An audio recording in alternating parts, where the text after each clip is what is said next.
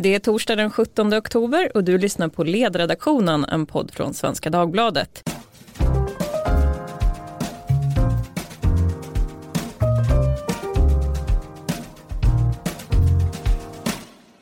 Jag heter Lydia Wåhlsten och idag ska vi prata om en av Sveriges absolut största utmaningar. Det handlar om arbetslösheten bland utrikesfödda. Jobbklyftan mellan utrikes och inrikesfödda har vuxit över tid och den senaste kvartalsmätningen från SCB visar att den nu är 15,6 procent bland utrikesfödda mot drygt 3 procent bland inrikesfödda.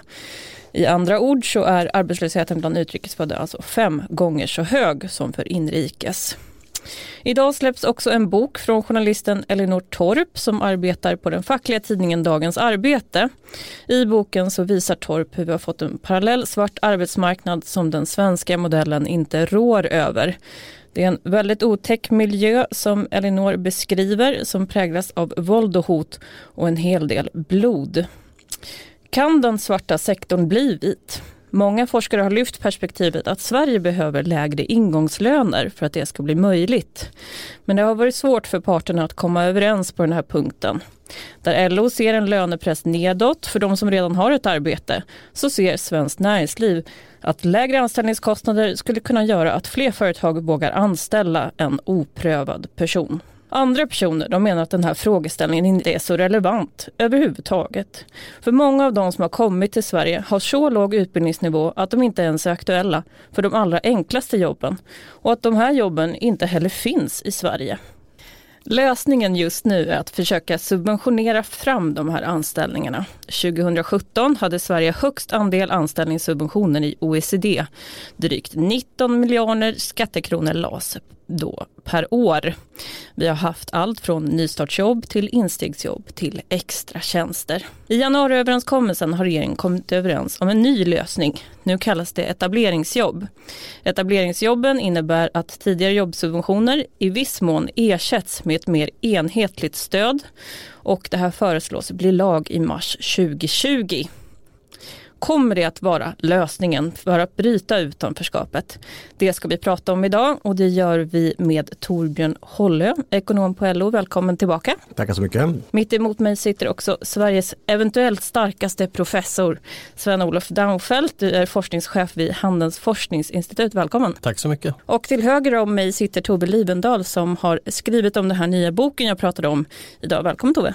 Tack. Min första fråga är, kommer etableringsjobben att bryta utanförskapet, ja eller nej? Torbjörn? Får man bara, bara säga ja eller nej? Ja, då, då blir det nej naturligtvis. Okej, okay. Sven-Olof? Man får alltså inte säga både ja och nej, för det är det rätta svaret. Ja, du får välja. Ah, ja, då är det nej då. Ja, Tove? Nej. Okej, okay. men vi kan börja med dig Sven-Olof. Alltså, grejen är ju det att det här etableringsjobben kommer ju att sänka arbetskraftskostnaden dramatiskt för företagen. Det handlar om att man kommer att har en arbetskraftskostnad på ungefär 8000 per, per individ då, eller anställd och det är ju en väsentlig skillnad mot idag. Så det kommer ju att leda till jobb. Det är jag helt övertygad om. Men däremot så kommer det inte leda till jobb för alla. För man pratar ju om att man har insider och outsiders på arbetsmarknaden och då, då betraktar man ofta med outsiders som någon form av eh, homogen grupp men det är de ju inte. Det finns ju de som står ganska nära arbetsmarknaden där det här kommer fungera på. Så finns det de som står väldigt långt ifrån arbetsmarknaden där inte ens ett sånt här lönesubvention kommer att eh, ha någon effekt. Och jag vet att du har varit inne där på att du tycker att arbetsmarknadspolitiken borde riktas om mer mot de här personerna som står nära arbetsmarknaden. Men Torbjörn, vad ser du i den här nya lösningen? Alltså, jag, jag är ganska djupt involverad i det här med etableringsjobb och, har jobbat med detta i flera år eh, i min roll på LO. Senast har jag bara för någon vecka sedan, eller ett par veckor sedan jobbat fram det gemensamma svaret från Svenskt Näringsliv och LO och Unionen på den departementsskrivelse som kommer från regeringen. Eh, men, alltså, men man måste ha realistiska förväntningar på etableringsjobben. etableringsjobben det bästa med etableringsjobben skulle jag säga, jag är en stor vän av etableringsjobben, jag tror att det kan bli jättebra. Men det är att man får in nyanlända på, eh, i näringsgrenar som, som idag inte har så många nyanlända. Idag så är ju de nyanlända väldigt koncentrerade till handel och, och servicesektorn. Det som är bra med detta är att jag tror man kommer kunna få in dem, eh, inte minst inom industrin. Och industrin anställer förvånansvärt få nyanlända och detta kommer vara, så att fler sektorer, det är den, det är den stora vinsten. Och, men, men, precis som du säger så alltså de som står absolut längst bort, alltså de som verkligen eh, som, som, är, som, har, som, som kanske helt, helt saknar utbildningar. Det är klart att då hjälper inte detta heller förstås. Och, och jag tror att för, eh, jag, jag, kan bli lite störd av politiker, för politiker säger men detta kommer inte lösa allt. Nej, det är att ingenting löser allt. Utan man måste liksom försöka beta av bit för bit. Eh, och det här är nog det jag skulle våga säga att detta är det bästa initiativet vi har sett de senaste åren och det enda realistiska som finns på bordet som kan ta oss framåt en bit. Sen kommer det fortfarande inte lösa allt. Mm. Vi pratar om att människor står långt från arbetsmarknaden och makrosiffran är då 15,6 procent. Hur många, om vi säger att det är 100 procent, hur många är det som står långt från arbetsmarknaden som då kanske inte är aktuella för ett sånt här stöd?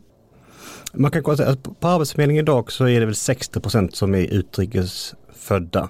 Ehm, och då har vi en arbetslöshet på kanske 350 000 och då kanske mellan tummen och pekfingret så är kanske närmare, närmare ja, någonstans mellan tredjedel och hälften väldigt av, av, av den här halvan så att säga. Eh, väldigt långt ifrån arbetsmarknaden. Alltså personer som, som inte knappt når upp till grundskolenivå. Då står man väldigt långt från arbetsmarknaden. Jag har svårt att se att med att i dagsläget finns några andra möjligheter. Antingen får man liksom permanent subventionera de här personerna, samma eller liknande. Eh, eller så får man, liksom, om de är lite yngre, genomföra liksom väldigt basala, grundläggande, längre utbildningsinsatser. De, det är väl de två alternativ som står till buds. Om man inte gör det, för, för den här gruppen som står väldigt långt borta, men då väntar ju det som, som Tove skrev idag, alltså på något sätt att det växer fram en ny typ av marknad eh, för de här personerna. Då kom, eh, alltså, någonstans är det, utbudet skapar sin egen efterfrågan. Alltså, har vi tillräckligt länge väldigt stora grupper som har väldigt svaga kunskaper och färdigheter så kommer ju massa av de här liksom jobben som en gång rationaliserades bort av goda skäl komma tillbaka. Och vi ser ju det redan när vi går ut, men går man på Stockholms gator idag så ser vi redan att vissa typer av serviceyrken börjar komma tillbaka. Men cykelbuden till exempel som är en väldigt bisarr företeelse. Det är väldigt irrationellt att cykla omkring med mat på en låda när det finns liksom betydligt mer liksom, eh, intelligenta sätt att transportera eh, mat. Tove, jag tänkte vända mig till dig, men jag måste också säga att jag kommer ihåg att jag jobbade när jag var på Timbro, så jag jobbade med Benjamin Dosa, han har skrivit en eh, rapport som heter Utanför, som beskriver situationen i Malmö. Och där finns det ju hela stråk där i princip, ja, de flesta företag är svartföretag. Det handlar ganska mycket om bilmekaniker och sådana enklare servicetjänster som man kan göra. Men Tove, vad ser du i etableringsjobben? Det är ju rätt så vidare att ha, finns det en möjlighet att anställa billigare med subvention så kommer en del att använda det och förhoppningsvis, det är mycket förhoppningar i de här, inlagda i de här systemen, så kommer det att leda till att det blir som man önskar, att folk får in en fot på arbetsmarknaden, får en erfarenhet, får en punkt i CV och så vidare och kan ta sig vidare. Men man ska också veta att på den andra sidan, på arbetsgivarsidan, så är det inte omäckigt att ha med sånt här att göra och de tidsbegränsade och jag har ju talat med tillräckligt många arbetsgivare för att höra hur det så att säga det som är så enkelt i talarstolarna inte är alltid så enkelt i praktiken. Och får man en riktigt bra person men inte har ett så stort utrymme så kommer den inte att få ett fast jobb i alla fall därför att man har kanske inte det utrymmet. Och förhoppningsvis så blir alla erfarenheter bra men det är, inte, det är liksom inte en, en quick fix och det är inte en one fix heller precis som, som ni andra har sagt. Så att just de här etableringsjobben för mig blir det ja, en, en, ett hyggligt försök men det är ändå bara att lappa och laga i, i grunden i ett system där man inte låter det vara en riktig marknad. Och vi ska prata om den där marknaden och om den finns och var den finns. Men jag tänkte vända mig till dig Sven-Olof. En kritik som återkommer från borgerligt håll det är att de här anställningssubventionerna är oerhört dyra och då tittar man liksom på mm. den här siffran då, kanske 18 miljarder per år. Mm. Och man pratar inte om alternativkostnaden och då är frågan, hur ska jag egentligen se på den här frågan? Ja, det, är, det är ganska komplext faktiskt. Låt mig också säga lite grann att jag tror faktiskt att det här kan leda till jobb även inom, mycket inom till exempel detaljhandel. Vi har ju tittat på vilka företag som bryter utanförskapet. Och tittar man på de siffrorna så är det ganska förvånande. Handeln ligger på samma nivå som industrin när det gäller att anställa arbetslösa utrikesfödda. Så det finns en jättepotential till exempel i handeln om man kan få ner arbetskraftskostnader. Det är där jag tror den stora potentialen är, i den typen av branscher. Men sen så är det lite grann det som Tove kanske är ute efter här, att det som gör om det här blir en succé eller inte, det kommer leda till jobb. Frågan är om det kommer leda till att de här eh, individerna kommer permanent in på arbetsmarknaden. Så att egentligen, vi kommer ju först veta två år efter att man infört det här om det här var en succé eller inte genom att utvärdera hur många av dem som var på de här jobben är fortsatt anställda efter att subventionen så att säga upphört. För den är ju bara tvåårig. Och det är ju det som kanske är problemet. Och det är lite svårt att veta på förhand. Eh, å andra sidan så är det ju så att alternativkostnaderna är ju att de här går på bidrag och är i ett mm. utanförskap. Så att det finns ju säkert, jag, jag tror själv att det finns väldigt mycket vinster med att få folk in i, i arbetslivet och in på företag och jobba. Så att de inte fastnar i ett utanförskap. För det är egentligen tror jag det som är mest kostsamt. Torbjörn, har du en siffra till mig? Om jag nu skulle behöva väga de här mot varandra, att vi har en grupp som går på bidrag då eller arbetar med subvention? En offentlig finansiell siffra? eh, nej men då, då, är det är ju väldigt enkelt, eller, eller, man kan väl göra det så pass enkelt att mm, alltså, vi har ett välfärdssamhälle i Sverige med relativt höga kostnader och i och med att vi inte vill att folk ska svälta eh, så, så anser vi att människor har någon typ av minimuminkomst. Och, men, så till exempel etableringsjobben, alltså den kostnaden för staten kommer ju ligga på cirkus eh, ja, 8, 9, 10 tusen i subvention per månad. Alltså, och det är klart att den kostnaden hade man ju naturligtvis haft ändå om, om, om, om alternativet är arbetslöshet.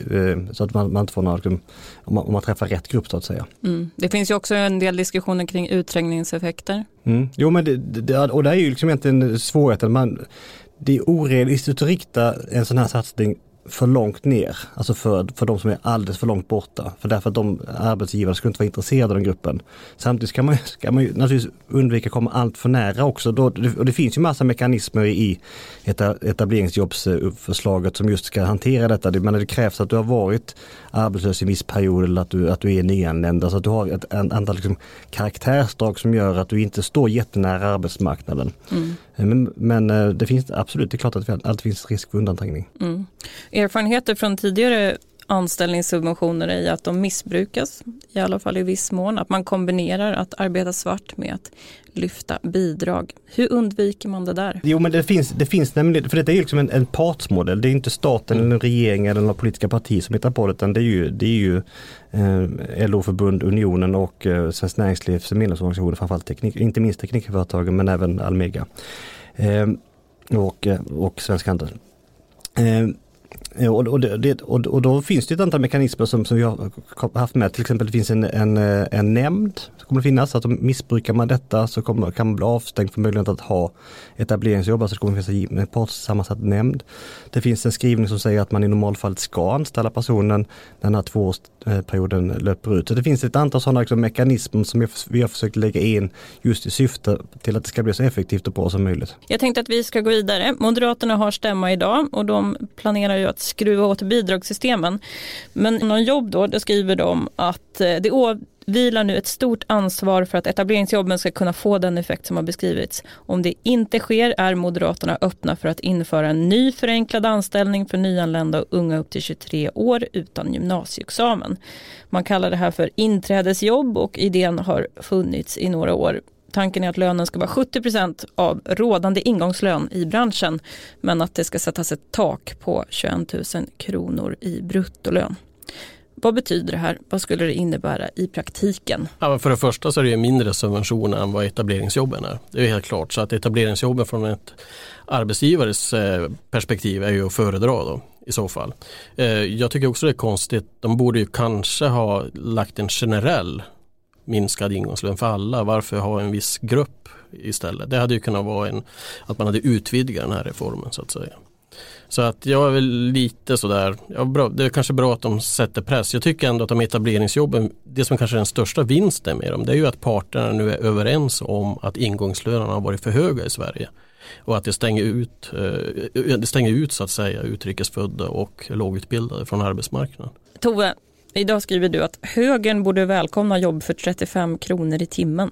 Vad är det du saknar hos till exempel Moderaterna? De borde välkomna att de kunde vara vita därför att de genomförs ju idag. Det finns ju, det här med det apropå den här boken så är ju svartarbete i Sverige är ingenting nytt. Det har förekommit rätt mycket och det har varit till den grad att vi har tyckt att det varit ett problem att, att det rör sig ditåt och det är effekten också av att ha höga skatter. Eh, så att, och I svartarbetssamhället så finns ju alltid den påtagliga risk för exploatering som eh, beskrivs förfärligt i, i det här reportaget som utdrag ur en bok. Och eh, det måste ju vara det som man vill komma åt, det vill säga att människor far illa, men att människor kan få ett jobb och få betalt för någonting som någon vill utföra, även om det är till en lägre kostnad, det borde vara att välkomna. Och finns det då jobb som är möjliga att utföra och få betalt i det häradet så är det bättre och då måste också systemen bejaka det. Mm. det Men du riktar ju fokus på just högern och, och vad, vad är det du vill se från vem så att säga? Nej, men jag tänker att den här idén som borgerligheten tycker jag har varit duktiga på att nära, alltså frihet och ansvar i kombination och eh, också har försökt göra till sitt, det vill säga det som egentligen är gammal arbetarrörelse-credo, nämligen klassresan och den sociala mobiliteten. Där skulle jag gärna se en kapplöpning mellan höger och vänster i Sverige, men där har ju, tycker jag, borgerligheten på ett ganska förtjänstfullt sätt försökt rycka åt sig den berättelsen och springa med den. Men då måste man också acceptera verkligheten som den är och idag har vi någonstans, det är svårt att få siffror på det här, men mellan 10 och 35 000 om man tittar på migrationsinfo som lever här illegalt. De finns redan i en svart verklighet där de far illa därför att vi vägrar erkänna att nej, man ska inte ha jobb som är så här lågbetalda. Men då säger vi att de jobben ska bara existera i svart sektor med väldig otrygghet och det mm. tycker jag är synd. Precis, de så kallade papperslösa lever ju under eh, nästan helt egna villkor som att de inte på något sätt då heller kan ta sig in. Men, där, Men vad är det du vill se från Moderaterna mer konkret? Nu har de stämma här. Ja, e-, egentligen så önskar jag mig det omöjliga för att även Moderaterna så fort de kläms lite grann på systemfrågor eh, då säger de att den svenska modellen har tjänat oss väl och så är det en slags tankemässig parkering. Vi hade inte vågat titta på hur den skulle kunna tjäna oss bättre i framtiden. Men, och, och, här lider vi av att vi har det här väldigt kollektivistiska systemen där alla ska med.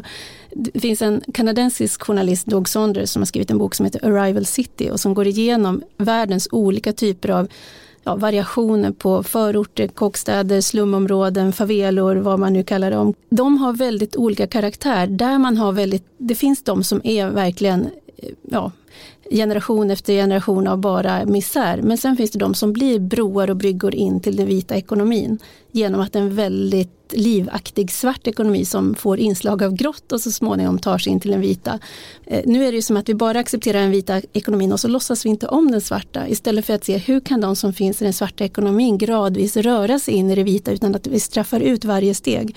Och där finns det ju väldigt kreativa personer. Ute på landsbygden så lovar jag att det är en hel del av våra nyanlända som sitter i trädgårdsarbete och lantbruksarbete svart. Därför att systemen inte accepterar att de gör det på den vita vägen. Och det är där Moderaterna, tycker jag då, skulle gå i bräschen för att bara, bara gå ut och hämta in enskilda fall och se okej, okay, var sätter systemet hinder i vägen för att detta ska kunna ske vitt? Jag har ju en eh, följdfråga på det och det är ju så att säga ideologi versus praktik. Tror du att det hade varit möjligt att driva en sån linje givet hur partilandskapet ser ut där man är hotad både från höger och vänster? Jag tror att det finns ett utrymme för alla de här partierna som på något sätt säger sig värna den här liksom, det svenska, gör din plikt, kräv din rätt, arvet och där har ju både Moderaterna och Socialdemokraterna har ju kämpat om det men det är också den flanken SD har kommit in på. Vid sidan av invandringsfrågan så har de liksom betonat det här med tradition och det som man känner igen som svenska värderingar. Så jag tror att här finns det ett gehör från svenskarna som inte alls tycks vara särskilt rasistiska utan som tycker att man ska ha system där man gör rätt för sig och det är transparent och man alla bidrar liksom efter sin förmåga. Så jag tror absolut att den som säger som det är och är beredd att lägga fram en politik som också gör det möjligt för alla som kan göra en insats och stå på egna ben att också göra den vitt och legalt kommer att belönas för det. Men det kräver ju mod. Ja, det kräver ett mod som vi inte har sett. Jag minns ju då pigdebatten har vi ju haft och det var ju en sån fråga där höger stod mot vänster. Det löstes ju med, tadam, någon slags subventionslösning. Så att även om man vann så att säga den ideologiska debatten att vi nu kan ha städhjälp och att det inte är fult att ha städhjälp så har ju så att säga svenskarna har ju inte accepterat de faktiska lönerna som de skulle ha haft om vi inte hade rutavdraget. Mm. Nej men det, det sitter ju otroligt djupt ta, här, våra tankefigurer kring vissa saker. Att vi, vi säger så gärna att vi är ett modernt samhälle, det är vi ju inte utan vi är fortfarande väldigt kvarlåsta i, i gamla tankesätt. Och det här då som ibland framhålls som att det skulle vara farligt att komma in i lägen där man måste ha flera jobb eller där det är osäkra jobb. Och, och, och, ofta brukar argumentationen utgå från någon som säger jag skulle aldrig klara det här. Nej, men måttstocken för hur arbetsmarknaden kan ska se ut kan inte vara den enskilda upplevelsen eller livssituationen. Bara för att jag i ett läge där jag måste försörja barn inte skulle kunna springa mellan olika jobb innebär inte att jag med glädje hade gjort det när jag var 17 eller 18 år. Därför att det hade fungerat bra. Jag har för övrigt jobbat på säljbolag för 15 kronor fast i timmen eh, och vet att det är ganska osäkert. Det hade inte funkat där, där jag liksom är försörjningsmässigt i livet nu med två barn men det funkade bra då. En bredare fråga då, om vi tar Tobes siffra här om 35 kronor efter skatt, då tittar jag lite på vad skulle det innebära då i månadslön om man jobbar 40 timmar i veckan. Man kan förstås jobba mer, men om man jobbar 40 timmar då får man 5 600 kronor efter skatt. Arbetsgivaren skulle då behöva betala 10 500 kronor. Men de här introduktionsjobben som vi har i Sverige idag, de har en subventionsgrad på 80 procent. En lön på 22 000 kronor ger en faktisk kostnad för arbetsgivaren på bara 8 000 kronor. Ändå har så få anställt till de här villkoren. Hur förklarar ni det, Sven-Olof? jag tror det är ganska enkelt. Jag tror många arbetsgivare tycker att det är väldigt krångligt med alla de här lönesubventionssystemen som har varit. Och det är det som kanske är fördelen med de etableringsjobben, är att det ska vara ett enklare system för arbetsgivarna att använda. Så att jag tror att det är en skillnad mellan de här etableringsjobben som vi snackade tidigare och de här tidigare lönesubventionerna som har funnits. Och det fanns ju ett myller av dem, det fanns ju hur många som helst. Det var väldigt, väldigt krångligt. Många uppfattade det som väldigt krångligt att, ha, att ta del av de här överhuvudtaget. Men det som Tove föreslår här är ju egentligen vad jag ser det som en fri lönesättning. Så det är ett helt uppbrott med den svenska modellen, det vill säga att lönen sätts på en fri marknad. Och visst, jag håller med Tove, skulle vi ha en sån modell så skulle vi antagligen inte ha så mycket svartjobb heller. För då skulle de omvandlas till vita. Eh, men sen är det ju frågan om det är, det är ju, det är ju ett väldigt stort uppbrott mot den svenska modellen säger jag och tittar vänsterut här. Då, så att, ja, Tove, att, vill du, Tove, vill du ha kvar den svenska modellen? Nej, inte som den är nu därför att den är dysfunktionell och den skapar outsiders och, och så att säga, det skapar utlåsningseffekter för människor som behöver få komma in och få visa vad de går för. Så att, nej, jag tycker inte det läge vi har. Jag skulle gärna då kombinera en, en fri lönesättning också med ett rejält höjt grundavdrag så att det blir möjligt att leva på lägre inkomster. Därför att det handlar ju om att få folk att stå på egna ben. Det måste ändå vara målsättningen av eget arbete så långt det är möjligt. Och då måste systemen uppmuntra det. Och det är samma sak som jag har varit med om personer som har varit arbetslösa och sen fått erbjudande om 30 vick och då hänger inte systemen med, då blir man utan ersättning helt och hållet och då tar man inte de här 30 procents vicket fastän det skulle kunna bli en, en viktig nästa steg. Mm. Och, och, där blir ju systemen motståndare till det de egentligen var till för. Mm, precis, och det här kallas i ekonomiska termer för reservationslön. Torbjörn, vill du förklara vad det är för någonting? Ja, alltså att, att det finns en gräns för långt människor långt ner man det går i lön. Men alltså jag måste säga att jag, jag tycker det är härligt, alltså jag, jag, hållit med, jag tror faktiskt inte jag håller med om någonting du har sagt. Uh, inte, inte, en sekund. ja, men därför jag tycker du blandar ihop massa saker också. Det ena, det ena är ju liksom eh, att vi har alltså migranter här som är svart. Alltså det är ju, om, då, är det, då är det en polisiär fråga. Alltså, jag, jag, jag, jag gör liksom ingen bedömning. Man kan ju tycka att man ska ha en mer generös migrationspolitik eller inte. Men om människor är här de facto är här svart, alltså de följer inte lagar, men då är det en myndighetsfråga. När det gäller liksom grupper, grupper som får vara i Sverige, alltså att man, är, att man får uppehålla sig i Sverige och inte Eh, ha har jobb. Alltså då ska man ju veta att väldigt många av ingångsjobben alltså inom servicesektorn är ju till företag som inte har kollektivavtal. Alltså, om väldigt många restauranger, mindre restauranger saknar naturligtvis kollektivavtal. Så att, så att den här idén om att det är kollektivavtalen som, som hindrar människor att komma in liksom för att jobba på, liksom, som diskar på, på restauranger, det, det tror jag är extremt naivt. Och sen ska man ju veta att ja, det är klart att Sverige har, har, ju, har ju relativt höga ingångslöner i, i den delen som är, som är liksom kollektivavtalstäckt. Eh, men, men det är ju liksom, men, med den sektorn, det, det är ju liksom väldigt, väldigt normala jobb. Jag tror inte människor ser framför sig att, att, att eh, ja men, men att till exempel att man på Aftonbladet, Svenska Dagbladet, och man tar, man har, jag tror inte att om ni tar bort eh, löne, lägsta lönen här, jag tror inte det gör dyft för utanförskapet. Alltså, eh, och så ska man ju veta att trenden globalt och i, och i trenden i Europa det, det, är ju att, att man i land efter land höjer de statliga minimilönerna. Så det är inte så att man vill liksom avskaffa LO, TCO och SACO och deras medlemsorganisationer och så får vi liksom, så är det fri lönesättning. Så det är inte så det funkar utan i alla andra länder i princip, utom Sverige typ, så har vi istället, har vi istället lagstiftade löner som dessutom håller på att höjas också nu steg för steg, inte minst i USA, Tyskland och Storbritannien. Mm, men det eh. gäller ju även för den svenska modellen där avtalsrörelsen gör i praktiken att lägstalönerna höjs hela tiden. Min, min poäng är att, alltså, att den svenska minimilönen är noll kronor. På väldigt många restauranger så är minimilönen noll kronor. På, väldigt, på inga restauranger i USA, Storbritannien och Tyskland är minimilönen noll kronor. Utan då är den sagt, till exempel i Storbritannien så tror jag den är 10, 10 pund nu för tillfället ungefär.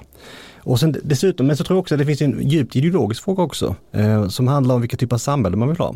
Alltså jag, jag gillar inte idén om, om massa skoputsar och, och, och, liksom, och, och, eh, den typen av sektorer. Därför att det kommer skapa väldigt, jag vill att människor ska, människor ska ha kunskap och färdigheter som gör att de kan efterfråga en god lön.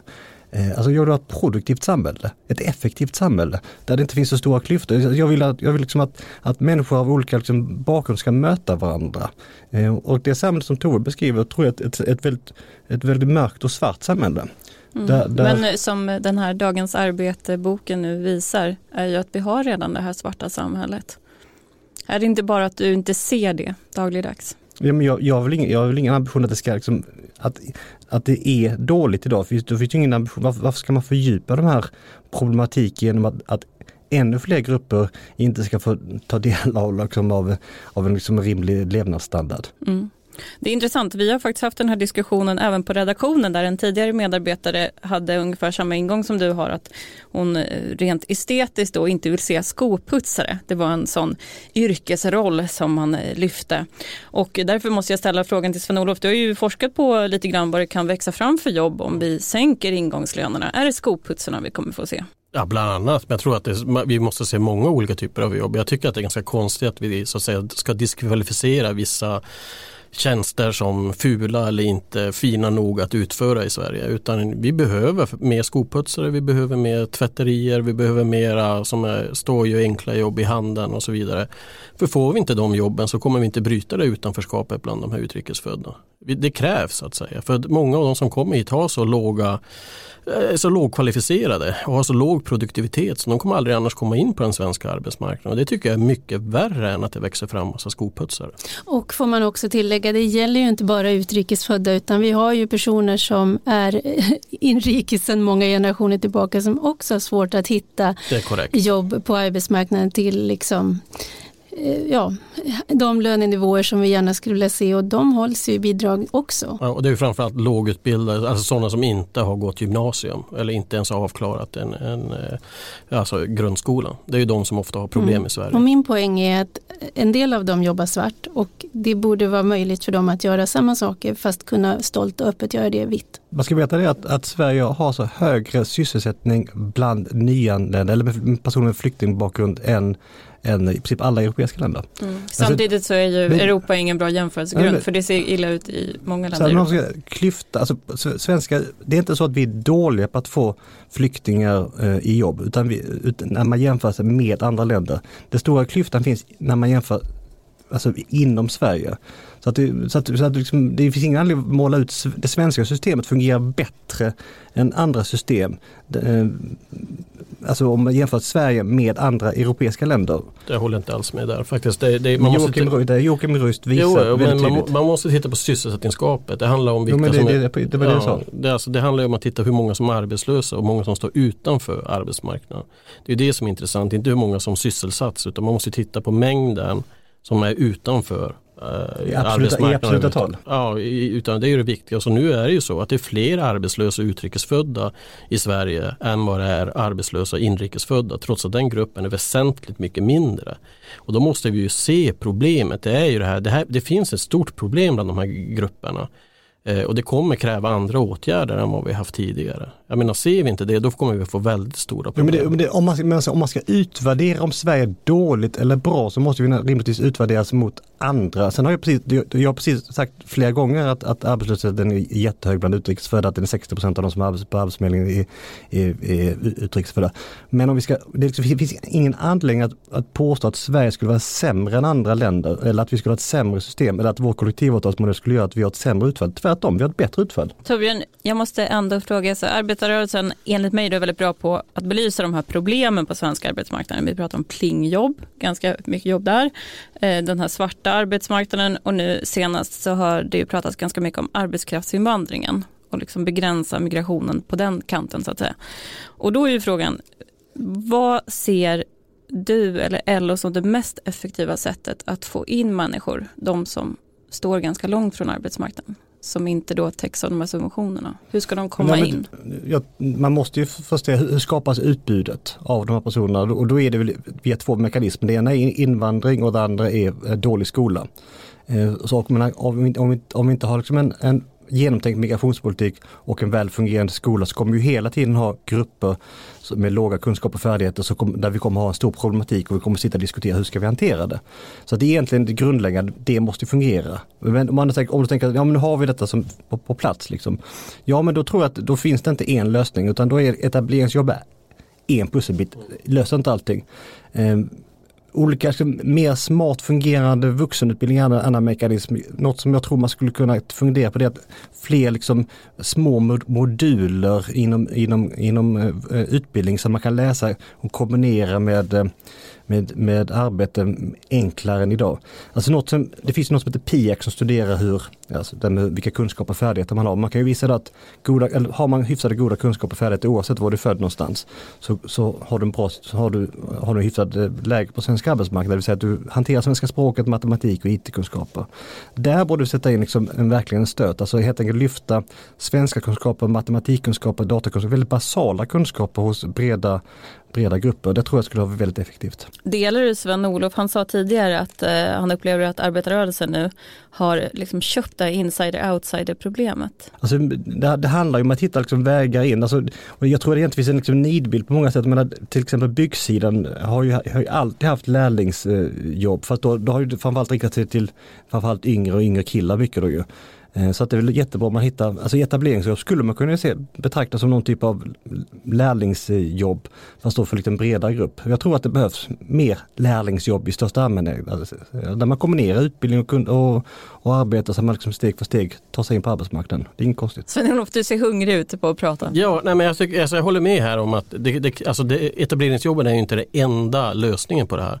Men vi pratade lite grann om Moderaterna tidigare. Jag gick igenom deras eh, budgetmotioner och sånt här och jag, jag såg att entreprenörskap lyser med sin frånvaro i, i ord. Utan det är ju som alltid när det gäller Moderaterna väldigt mycket fokus på um, utbudspolitik. Alltså eh, minskade bidrag och förvärvsskatteavdrag och sänkta skatter och sånt där. Och det är ju visserligen bra men jag tror att man måste börja fundera lite grann på företagarna och företagarnas villkor. Mm. Varför har Moderaterna fastnat i det här? Jag satt idag och gjorde lite research. Och redan 2009 så skrev Magnus Henriksson i ekonomisk debatt och sa han så att den borgerliga alliansregeringen har även i sin fjärde budget fortsatt på den inslagna vägen att sänka skatten på arbete för att höja sysselsättningen.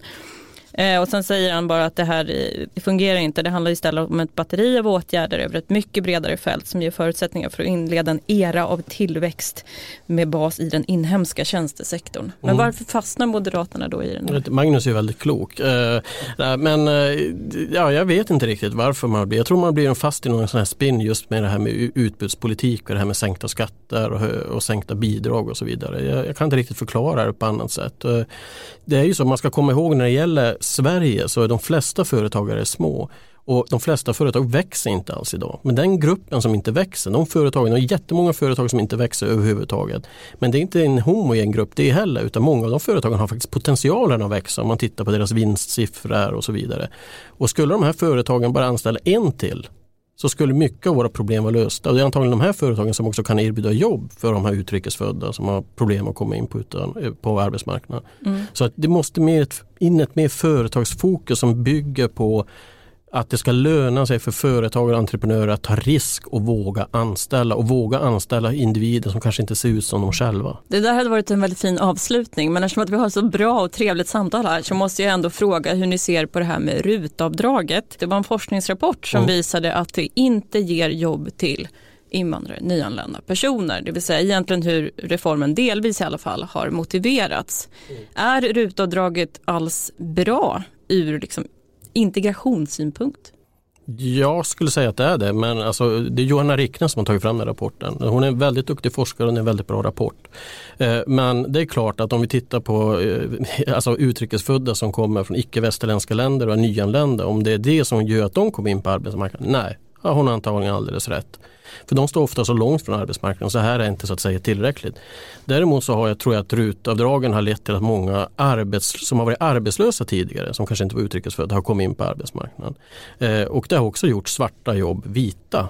Så att det har funnits ett värde med den här reformen. Men det är kanske inte den reformen som har lett till att vi har fått jättemånga utrikesfödda från eh, väldigt kulturellt avlägsna platser i, i, i arbete i Sverige. Det är det inte. Men hennes rapport fäller inte ut?